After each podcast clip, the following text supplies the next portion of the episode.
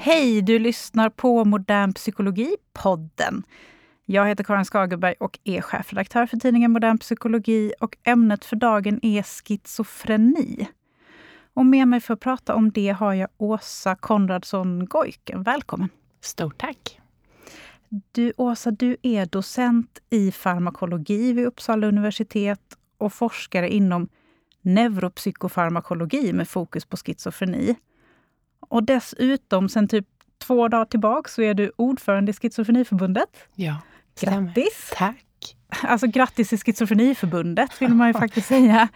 Ja, men för du är expert eh, i många kapaciteter på ämnet kan man säga. Det finns många ingångar som vi ska prata om idag. Och din bakgrund och så. Men du, alltså inledningsvis kort bara.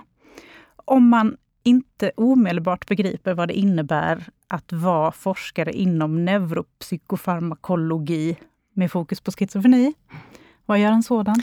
En sådan försöker både hitta nya behandlingsstrategier för just den här sjukdomen schizofreni, men också förstå hur de här olika typerna av läkemedel faktiskt fungerar på hjärnan och på, eh, på sjukdomen schizofreni. Så vi vet inte all, alla alla mekanismer som styr och reglerar schizofreni från, från start, men heller inte hur de här läkemedlen faktiskt verkar.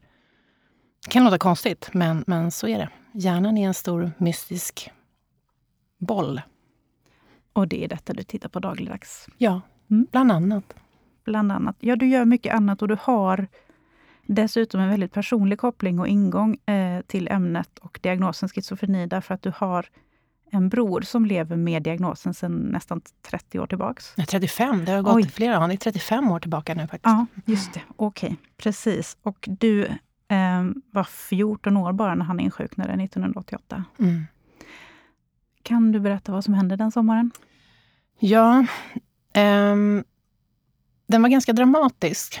Um, och den, um, det börjar med att jag, jag slår upp ögonen den här morgonen en sommar, sommaren 1988. En eh, sommar som går till historien för att jag hade flugit flygplan första gången, varit i Grekland, ätit tzatziki, klappat eh, herrelösa katter och längtade liksom för att få börja skolan och få berätta det här för mina klasskompisar. Men den drömmen den krossas den här morgonen för att det kommer in en hysterisk kvinna i mitt rum som skriker om och om igen att Mats, som då är min brors namn, är borta. Och när jag slår upp mina ögon så ser jag att det är min mamma. Ehm, och känner man min mamma då vet man att hon är inte av den här hysteriska arten. Hon har heller aldrig kommit in i mitt rum utan att, att knacka. Och det hon säger på repeat gör ju att jag förstår att det är någonting allvarligt som har hänt med min bror. Han ligger i lumpen, men vi vet hela familjen att han är på väg hem från militärtjänstgöringen i Luleå. Men vad jag inte vet är att eh, min pappa har fått ett samtal under natten där min bror har stoppat tåget i Hjulsdal, klivit av, ringt honom och sagt att han inte orkar. Att han tänker ta sitt liv. Så det pappa gör, är, och mina, våra föräldrar var skilda sen, sen innan. Så det min pappa gör är att han åker till Hjulsdal för att leta efter Mats. Och han får hjälp av frivilliga, han får hjälp av polis, men han finns inte där. Oavsett om de ligger och kravlar under varenda grankvist och alla parkbänkar. Så då har min pappa i sin tur ringt mamma och sagt ta med dig Åsa och åk till T-centralen i Stockholm så kanske ni kan möta upp tåget. Så den här hysteriska människan som jag inte alls känner, känner igen tar med sig mig på en ilfärd till, till Stockholms central och vi, eh, vi når eh, spår fem men tåget har redan kommit in. Och vi springer genom tåget, alla vagnar, hand i hand. Letar under varje säte. Vi öppnar varenda, varenda toalettdörr, men det, det finns ingen Mats där. Och då åker vi hem till pappa, pappas hus i en förort till Stockholm, där min storbror har ett rum under tiden han ligger i lumpen. Ehm, och när vi ser pappas hus som ligger på en liten kulle så ser jag dörren öppen. Och det riktigt så bubblar till i mig, för då måste han ju finnas där inne. Men det vi hittar inne i pappas kök är en eh, fullt en, en, en storebror som, som beter sig helt annorlunda mot vad han brukar. För han har sin första psykos. Och har man aldrig sett en psykos så är det ganska dramatiskt. Och jag hade ju aldrig ens hört talas om en sjukdom som kunde bete sig på det här sättet. Så min storebrors första psykos, det är att han har ett eh, forcerat språk. Han har en väldig energi i sin kropp och viftar med armar och ben. Han pratar ryska, låter det som, franska. Han är Gorbatjov, han är Ronald Reagan. Och eh, han har en riktigt, riktigt läskig blick som är svart.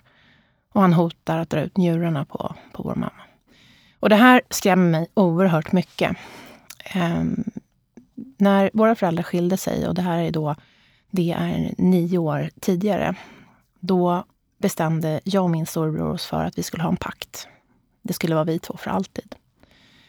Vi skulle finnas för alltid vid varandras sida. Och eh, när jag ser min bror i det här tillståndet så tänker jag, han är borta. Jag har förlorat min pakt. Och jag blir så rädd för honom så att jag backar ut ur köket. Jag vågar inte lämna ryggen mot honom. Tårarna strilar längs mina, mina kinder och det ser min bror. Och eh, precis som att vända på en handplata, från att ha varit så där lite läskig, så blir han precis som vanligt. Han kommer ut till mig i hallen där jag står. Jag lägger armen om mig, blinkar med ena ögat och säger det är lugnt syrra, det löser sig. Och det var otroligt lugnande just för, för stunden, men sen så blev det bara värre och värre och värre och värre och värre. Och det slutade med att min storebror eh, behöver vård och han läggs in på sluten psykiatrisk vård. Mm. Och då är han 18-19? Han är, han är 19 men ska fylla 20 den sommaren. Så han fyller 20 år när han ligger på sluten psykiatrisk vård. Eller under sluten psykiatrisk vård. Och hur länge gjorde han det? Alltså det här är en rolig fråga, den får jag ganska ofta. Eh, men det är ingen i familjen som, som kan sätta en tid på det här, hur länge han låg inne. Min bror själv brukar säga att han låg inne ett halvår. Jag tror att han låg inne längre. Men på något sätt så är, är, det minnet borta. Men det kändes som han låg en väldigt lång tid. Och hur var det för dig? Fruktansvärt. För um, man får tänka hur det var att vara 14 år. Den här rädslan för att, uh, att hamna utanför. Det räckte ju egentligen med att ha fel färg på strumporna och vara 14 år så, så kunde man bli mobbad. Och jag blev eh, väldigt, väldigt rädd att någon i min närhet skulle se hur min coola brorsa hade förvandlats till någonting som jag inte kände igen. Så jag skämdes enormt mycket för att vi hade fått in den här sjukdomen i familjen. Ehm, jag hatade sjukdomen. Jag hatade min bror och jag skämdes över min bror. Samtidigt så hade jag jättekonstiga känslor i kroppen som jag brukade, brukar beskriva som negativ energi. Eh, för jag kände också en avund mot att han fick den här uppmärksamheten från vår mamma och pappa. Jag var ju yngst. Den skulle väl tillhöra mig, tyckte jag. Och den här negativa energin avspeglade alla de här känslorna som, som, som jag hade. Och, eh, skulle, och det, var, det var som kolsyra som kunde väcka mig på natten och som kunde störa mig på lektioner. Eh, och som fanns där som en, som en tung liksom, andning bakom öronen. Och eh, hade jag fått beskriva de här bitarna idag som 14-åring, då hade jag nog fått eh, diagnosen ångest. Men 1988 så pratade man inte om, om ångest i, i 14-åriga flickors kroppar. Så det var, det var tufft. Och jag, valde ju, jag sa ju till mina föräldrar att det här får inte komma ut. Eh, ni får, det här får stanna i familjen. Det här får inte komma ut i mitt nätverk. Och eh, mina föräldrar lovade mig det. Det här stannar hos oss. Men eh, det min mamma gjorde var ju att hon gjorde precis det motsatta. Hon, hon eh, gick bakom min rygg och eh, berättade för min klassföreståndare, för min baskettränare och mina bästa kompisars föräldrar vad som hade hänt under sommaren. Hon berättade om mina känslor för det här. Och hon berättade också att hon och pappa skulle finnas vid Mats sida till 110 procent.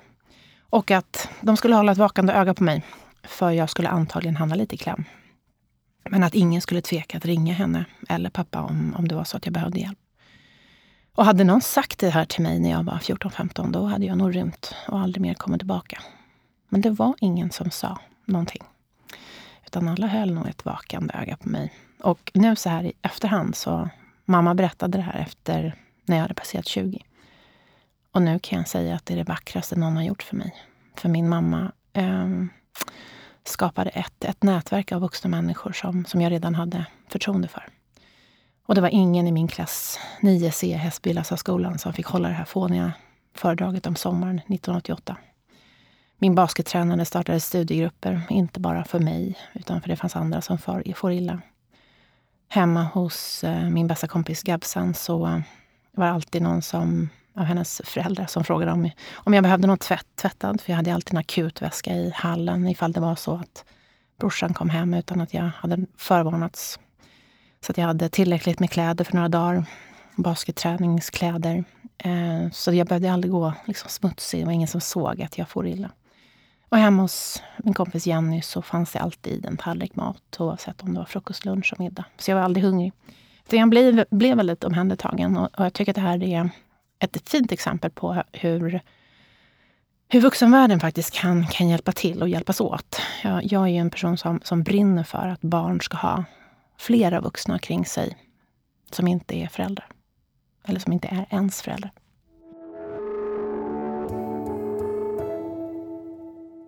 Du, vi ska fortsätta prata om din historia och eh, din bror och hur det gick och har gått sen. Men innan vi fortsätter med det så tror jag att jag ska be dig att faktiskt berätta lite mer om diagnosen schizofreni. För att jag, eh, de allra flesta vet nog väldigt lite eh, om vad det faktiskt innebär. Du pratar om psykos, men vilka kriterier eh, ska uppfyllas för att man ska få diagnosen?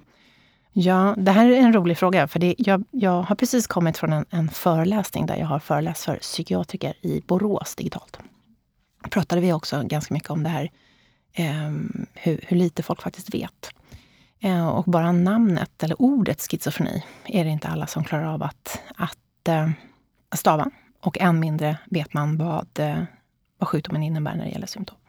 Och diagnosen är ganska krånglig. Eh, vi har ju inga biomarkörer som kan visa att hjärnan är sjuk.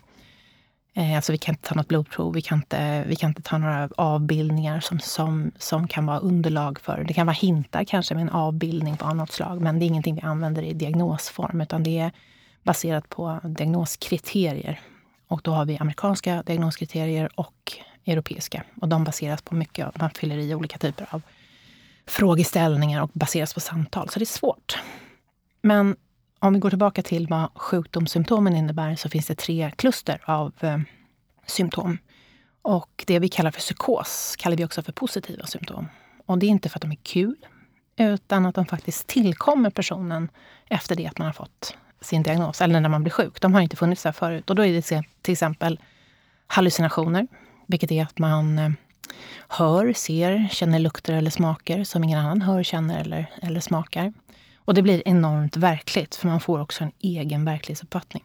Så att när jag sitter här och pratar med dig så skulle jag, om jag hade en psykos, kanske se att det kommer ner gas där från det där hålet i, i taket där vi sitter i studion. Dessutom så känner jag att det luktar gas. Så är det inte så att Karin försöker förgifta mig här. Dörren är dessutom stängd så jag kommer inte ut. Eh, sen finns det något som heter vanföreställningar som också är positiva symptom. Och det är något helt annat. Det är eh, bland annat att man kan ha paranoida drag. Att man tror att man är styrd eller reglerad från hjärna, rymden. Ehm, det kan vara religiösa inslag, men det kan också vara att man inte kan tolka det som står i media eller kommer ut ur radion eller tvn. Man tror att det är riktat mot en själv. Ofta fyllda kanske med, med uppdrag. Ehm, och sen finns det tankestörningar också som är involverade i den här psykosdelen. Och de positiva symptom är samma sak som, som psykos. Mm. Men sen så finns det mer. mer i den här sjukdomen och det är något som heter negativa symptom. Som är det motsatsen. Det är funktioner som fanns, men som inte finns där längre. Som tas ifrån en. Och det är bland annat en, en term som heter anhedoni. Som man brukar förklara att man förlorar förmågan att känna glädje. Men vid schizofreni så stannar inte det där bara vid att man förlorar glädje, utan det kan vara så att man inte känner varken sorg eller kärlek. Och vi som anser oss vara friska, det är ju någonting vi tar för givet. Att kunna känna de känslorna. Och sen i de negativa symptomen finns också en viljeslöshet. Man vill jättegärna gå på syrrans 40-årsfest eller komma på middag. Sköta sin hygien, fixa tvätten, disken. Men man kommer sig inte för. Och sen är det ett stort kluster av någonting som vi kallar för kognitiva nedsättningar. Och eh, det kan innefatta allt ifrån att ta in information, återinformation, abstrakt tänkande, problem med vissa minnesfunktioner. Eh, och eh, de läkemedel som vi har idag är relativt bra på att lindra de här positiva symptomen, psykosen. Men eh, vi har inte särskilt bra verktyg för att lindra de här negativa, negativa symptomen och kognitiva nedsättningarna. Så det är det som min, min forskning fokuserar på. Att försöka... De här personerna har rätt till en, till en värdig, värdig vardag. Och det har de inte idag alla gånger. Nej. Vi ska komma in lite mer på forskningen alldeles snart. Ungefär hur många eh, människor är drabbade eller har diagnosen? Eh, om vi tittar procent, procentuellt så är det 0,4 till 1 procent. Och då, in, då blir det en, en folksjukdom av det hela. Eh, och när vi tittar på Sverige så har vi 30 till 40 000 personer som har en, en diagnos som schizofreni. Mm. Eh, du pratade om det här med att man tror att man ser meddelanden i media och sådär. Jag tror att det är, en ganska, det är ungefär det som gemene man vet, eller har, tror att man vet om schizofreni. Jag vet att du också berättat att din bror ibland ringer dig nu för tiden mm. för att kolla. Mm. Eh, vad händer då? Jo, men han, min bror har ju en enorm sjukdomsinsikt. Eh, men ibland så behöver han faktiskt eh, bolla med mig för att kolla vad som är verklighet och inte. Och då kan han till exempel ringa och, och eh, be mig läsa en artikel i, i en dagstidning på sidan 6 längst ner. Eh, och så ber han mig tala om om, det är, om meddelandet, eller om texten är till honom. Och då kan jag lugnt säga nej, den är absolut inte till dig. Utan det kan ju vara så att Joe Biden är på väg till Sverige till exempel. Och då är både FBI och CIA eh, här för att reka. Och då säger han så här, ja, det var väl det jag trodde. Men ändå måste han liksom ringa mig och kolla hur det ligger till. Och då förstår man ju också eh, hur rädd man måste vara när man har den här sjukdomen. Dels att man kanske hör, ser och känner lukter och smaker som, som inte existerar. Och att ständigt vara liksom påpassad av, av eh, omvärlden, att ha den känslan. Så det här är ju inga människor som är ute och, och viftar bland, bland folk. Utan det här är en, en patientgrupp eller en grupp människor med diagnos, diagnosen schizofreni som, som eh, gärna isolerar sig och, och håller sig inom, inom sina trygg, trygga, trygga, trygga hem. Liksom.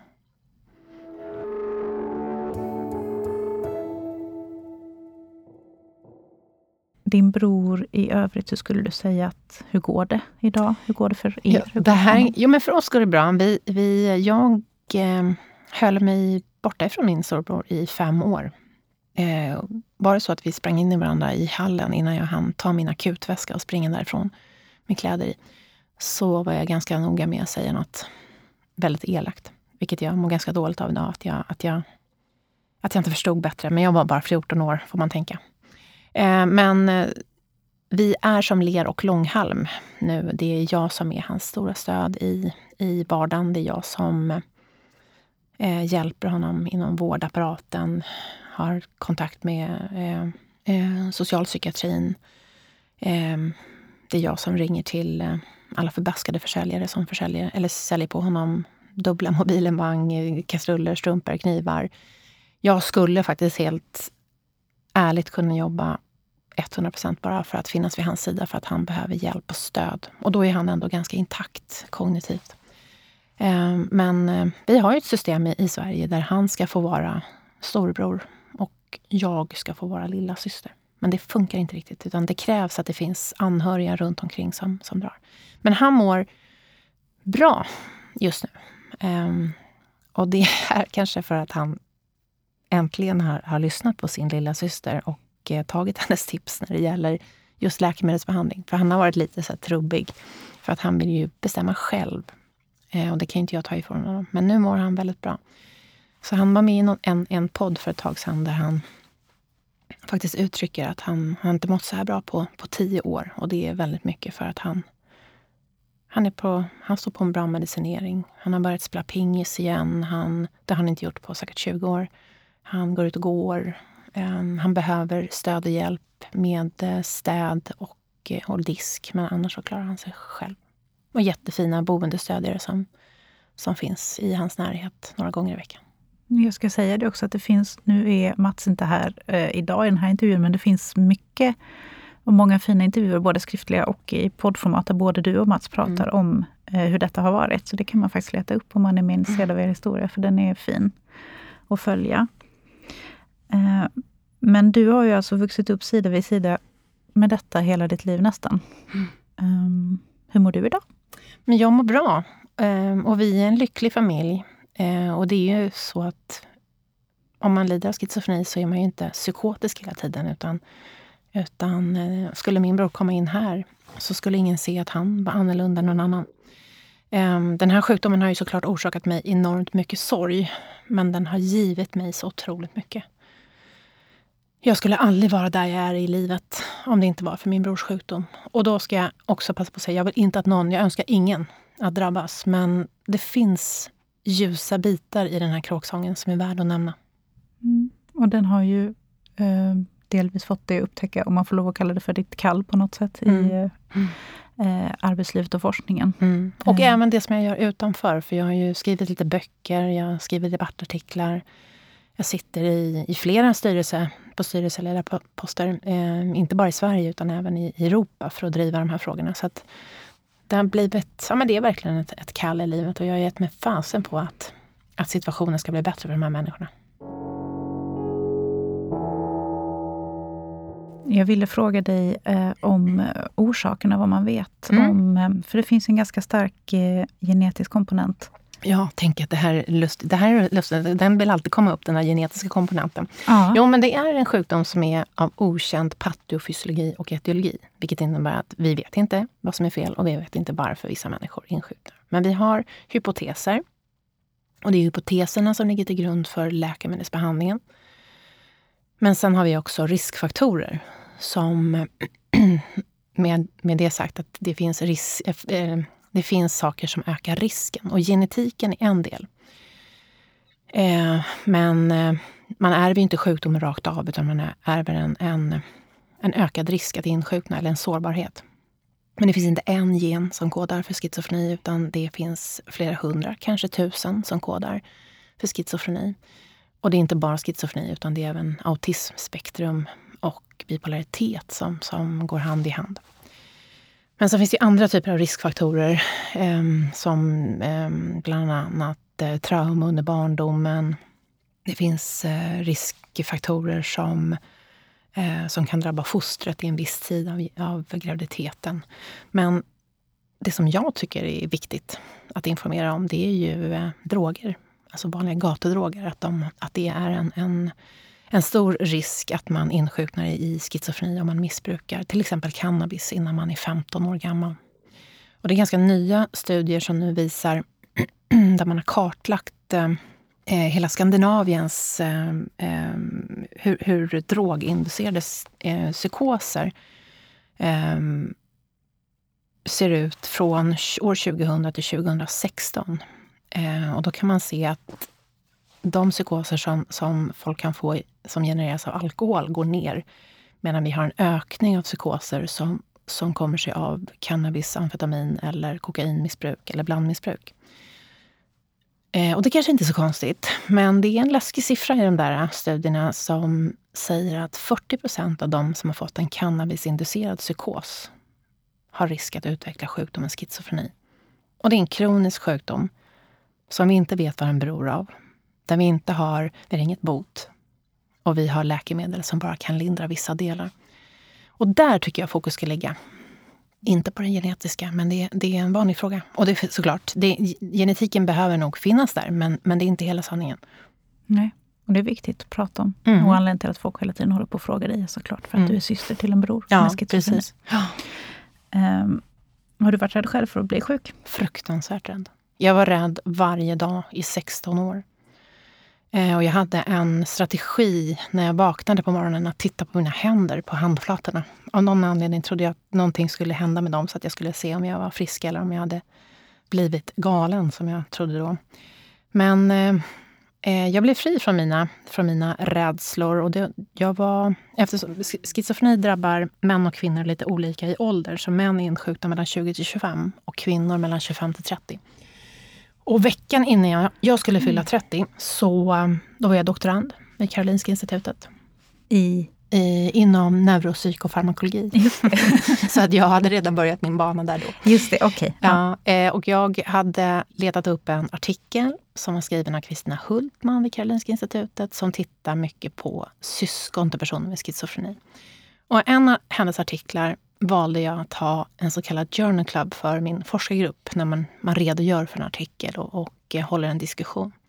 Och jag hade gjort en jättefin powerpoint-presentation och gick från eh, bild till bild och, och, och, eh, förklarade att det som stod i den här artikeln, jag kände igen så mycket. De här känslorna, rädslan, ångesten, hatet, skammet, avundsjukan. Men så stod det något där som jag eh, tyckte var lite obehagligt då. För det var nämligen så att personer, med, eh, personer som är syskon till personer med schizofreni har en ökad risk att missbruka droger och eller sitter i fängelse.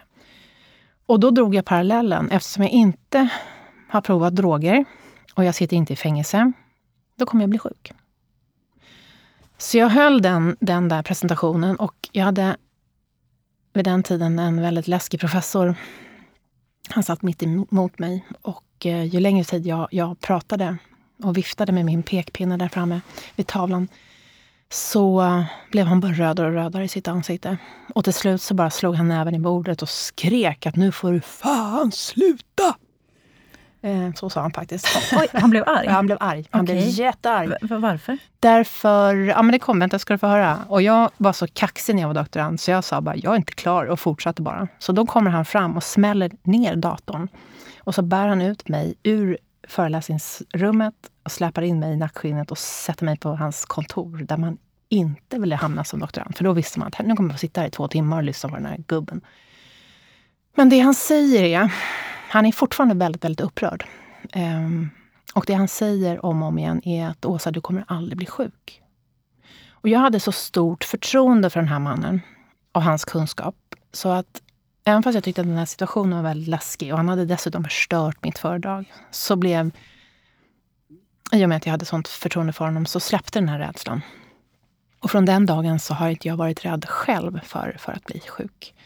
Och eh, den här professorn, de sista fem åren av hans liv så, så var han en av mina bästa vänner och eh, min närmsta forskningskollega. Men nu har han tyvärr eh, gått bort. Men jag hann berätta för honom hur mycket det här betydde för mig att han hade att han hade nästan skällt ut mig. Och nu har jag så mycket kunskap själv så att jag förstår ju att det han sa, det gjorde han för att hjälpa mig. För att det är ingen som går, eh, går säker, utan vem som helst kan, kan liksom drabbas.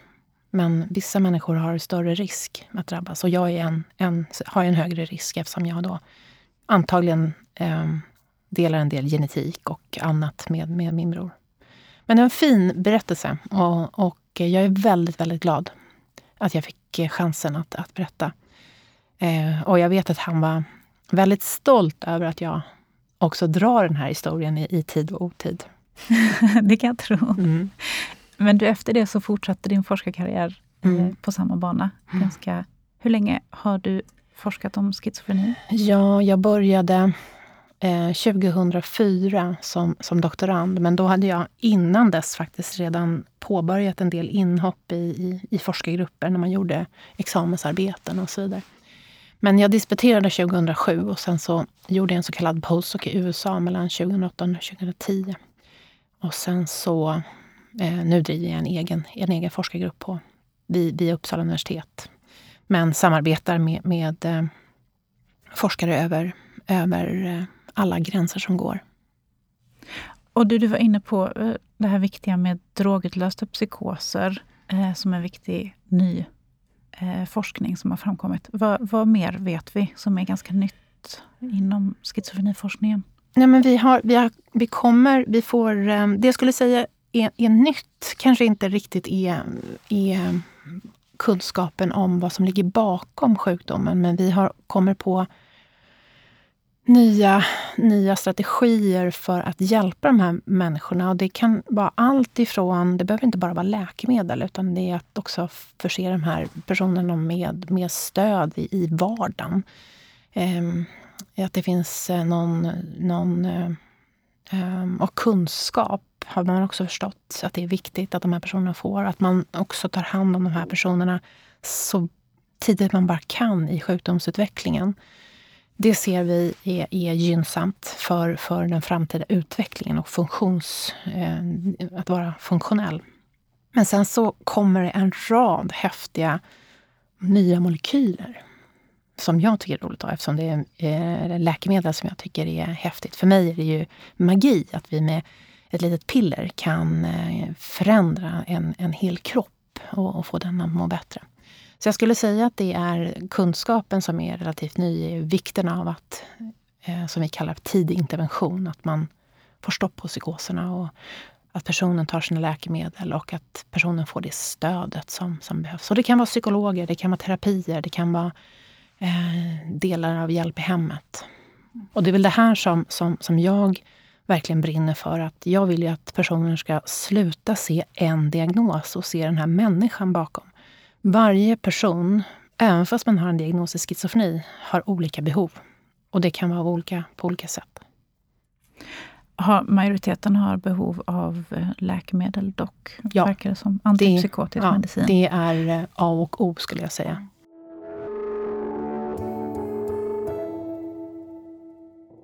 Du, eh, jag tänkte att vi slutligen skulle prata lite om, om lite myter kring sjukdomen och sådär.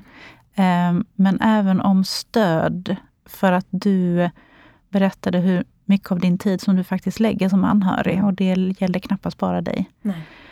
Eh, vad skulle du önska från systemet eller vården i stort? Eller att... Ja, det här, är, det här var en intressant fråga, Karin. Eh, det finns en studie som är gjord av eh, två forskare på London School of Economics och eh, den här europeiska organisationen Eufami som jag sitter i. Där man har gjort en enkätbaserad studie som pågick under två år som skickades ut till närstående till personer med svår psykisk sjukdom, bland annat schizofreni. Och det är framförallt schizofreni eh, som anhöriga och närstående har svarat på. och i den studien så ser man att om det är så att man bor ihop med den personen som man då informellt vårdar, som anhörig eller närstående så spenderar man över 43 timmar i veckan. Okej, okay, det är mer än ett heltidsjobb. Ja, alltså. precis. Mm. Och om man lever som jag och min bror, att han har en egen lägenhet och jag bor en halvtimme därifrån, då spenderar man 25 timmar lite drygt. Och sen så finns det också, efter de här ekonomforskarna, ekonomiforskarna finns med, så har man kunnat räkna ut också vad det här finns, det, det ligger en kostnad i det här. Och då ligger varje enskild vårdtimme på um, ungefär 28 euros. Och då är det bara att räkna ut, det är en ganska stor ekonomisk förlust också. Dessutom har man tittat på hur anhöriga och närstående faktiskt mår själva. Och det är väldigt många. Jag tror det var, om jag inte missminner mig, så är det 40 procent av alla som är informella vårdare som själva har en diagnos som ångest eller depression. Och den här studien, det finns inga svar från Sverige, så att jag vill ju göra den här studien i, i Sverige. Du när du ändå är här, ska vi passa på att avliva de vanligaste myterna om schizofreni. Jag vet inte säkert vilka de är, men jag var inne på det lite innan, att man tror att det är någon galning som är vevar på stan. Mm. Um, det har du sagt att absolut inte är. De här människorna är ofta väldigt isolerade. Ja. Inte farliga. Nej, men mer farliga för sig själva. Och um, man kan bli farlig i en psykos uh, gentemot sina närmast anhöriga. Eh, ibland är det vi anhöriga som är liksom demonerna. Så det finns en, en, en del fall där, där framförallt mammor har råkat lite illa ut. Men man, generellt man är inte farligare än någon annan. Eh, däremot så finns det en samsjuklighet med, med droger. Eh, droger kan göra vem som helst eh, opolitlig. Och då finns det en risk för att man är farlig. Men är inte farligare än någon annan. Men man är farlig för sig själv. Eh, det finns en, en, en förhöjd risk för, för att man blir självmordsnära. Eh, och det här med galen, det är mm. också att man är... Eh, sen så finns det också föreställningar att det finns ju ändå ingenting att göra. Det finns ingenting att... Det finns inga mediciner, man får ingen vård. Eh, vi har rätt tufft inom psykiatrin i, i, eh, i Sverige, men, men, det är absolut inte så att man inte får vård. Liksom. Och att man har dubbla personligheter också. Det är Just också, det, det det här är- lite slängiga, att folk Ja. eh, säger att de är lite schizo. Ja, precis. Mm. Mm. Det tror jag är den absolut vanligaste Mm. egentligen när jag tänker efter. Mm. Och det är också, det finns ju mycket eh, Hollywoodfilmer som, som, eh, eh, som kanske spär på det här. Och, och media är också med och spär på rädslorna och eh, osanningarna. Mm. Du, om man vill läsa mer om eh, din berättelse, men egentligen mer fakta om schizofreni och andra berättelser för att leva med psykossjukdom, så har du skrivit en bok tillsammans med några andra författare. Mm. Som heter, den heter Schizofreni. Den heter. Schizofreni, livet med en psykossjukdom. Och jag har skrivit den tillsammans med två psykiatriker, eh, Ylva Wächter och Sten Friberg. Just det. Den kan ni leta upp om ni är intresserade. Den är utgiven på Gotia Kompetens, tror jag de heter. nu. Precis. Eh, Och du har även skrivit en jättefin artikel i Modern Psykologi för några år sedan som finns på vår hemsida. Eh, Där kan ni bara söka på schizofreni så hittar ni den. Eh, Jag undrar om... Ska vi säga så? Det gör vi. Tack för att du kom, Åsa. Tack snälla Karin.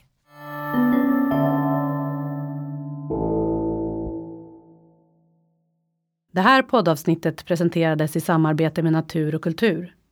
Vi är en oberoende stiftelse som förutom att inspirera till läsande och lärande också stärker röster i det demokratiska samtalet genom priser, stipendier och stöd.